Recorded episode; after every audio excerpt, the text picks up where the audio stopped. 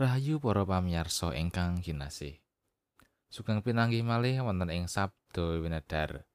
Renungan wadintenan basa Jawi Mitra saben ari marsudi ati. Sumangga kita sesarengan maos pangandikanipun Gusti lan kita kekilut ing salebeting manah. Kados pundi kersanipun Gusti ingkang kedah kita lampahi ing gesang kita menika. Monggo kita ndedonga langkung rumiyin. Duh Pangeran Allah kasuwargan. Kawula para abdi paduka ngaturaken ageng ing panuwun syukur. Awit saking berkah karahayon ingkang sampun paduka paringaken dumateng kawula sabrayat. Duh Gusti menawi sakmenika kawula badhe nampi pangandika saking paduka. Mugi Gusti kersa paring dawuh dumateng kawula. Nyagetaken kawula nindakaken dawuh paduka nyondongi ing kersa paduka. Mugi Gusti ugi ngapunteni sakataing dosa kalepatan kawula. Matur nuwun Allah. Wonten asmanipun Gusti kawula Gusti Yesus Kristus kawula ndedonga. Amin. Para sederek waosan dinten menika kapendhet saking Lukas bab 12 ayat 50 sekawan ngantos 59. Injil Lukas bab 12 ayat 50 sekawan ngantos 59. ana maneh pangandikane Gusti Yesus marang wong akeh. Menawa kowe padha weruh mendung jumedul ing sisih kulon, kowe banjur bisa kandha arep udan lan tumuli iya kelakon mangkono. Sarta menawa kowe weruh angin saka kidul, kowe banjur kandha mengko bakal panas gumemplang lan iku iya tumuli kelakon mangkono. He wong lamis, semuning bumi lan langit kowe padha bisa niteni. Yogene kowe ora bisa niteni kaanane jaman saiki. Lan maneh yogene kowe padha ora netepake dhewe apa kang bener. Amarga menawa kowe karo lawananmu padha arep ngadep marang ing ngarsane pamarentah, ana ing dalan ngudya rukun karo wong mau. supaya kowe aja nganti diladekake ing ngarsane hakim lan hakim banjur masrahake kowe marang pembantune sarta pembantune iku tumuling lebokake kowe marang ing pakunjaran.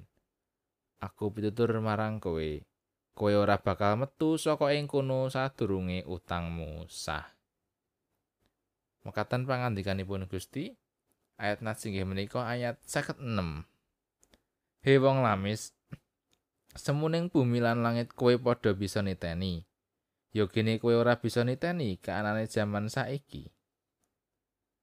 Renungan dinten menika kaparingan jejer aja lamis. Kados pundi boten kawastanan lamis? Gayanipun kemawon ketingal saleh, nanging gesangipun boten. Cara ngendikanipun ketingal alus nanging gesangipun boten. Sariranipun kemawon ingkang wonten gereja, nanging menahipun boten. paclatonipun kemawon mungel haleluya nanging batosipun boten Gusti Yesus nalika ngendika dhateng tiang kathah kanthi tembungan. He wong lamis.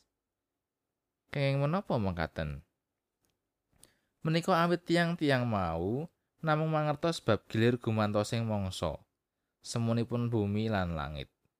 Nanging bab kayektosaning Sang Kristus mboten mangertos menapa-menapa.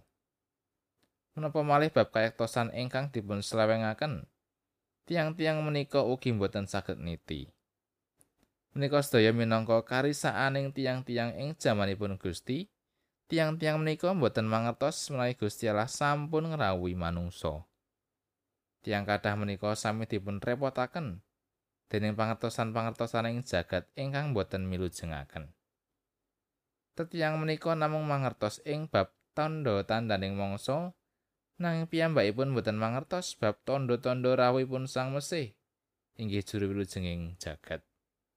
Kados pundi tumraping panjenengan? Ngantos sepinten agenging iman kapitadosan panjenengan? Menapa agenging kadya meja ing griya? Utawi agengipun saagenging gereja panjenengan? Sang Kristus mboten namung rawuh ing gedung gereja. Nanging tansah rawuh nyarangi gesang kita. Nanging menapa kita ngrumaosi lan ngraosaken perkawis menika? Temah kita wantun ketunggil dening kersanipun. Sumangga tansah sadar tumrap tondo tandanipun. awit Sang Kristus kepareng makarya ing salebeting gesang kita amin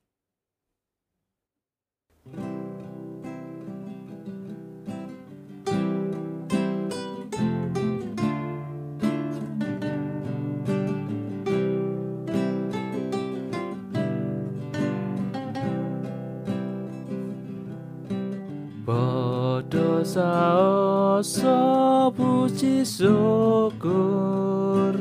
Marang Allah kang luhur ulang bapas mane suci den gelarno aneng bumi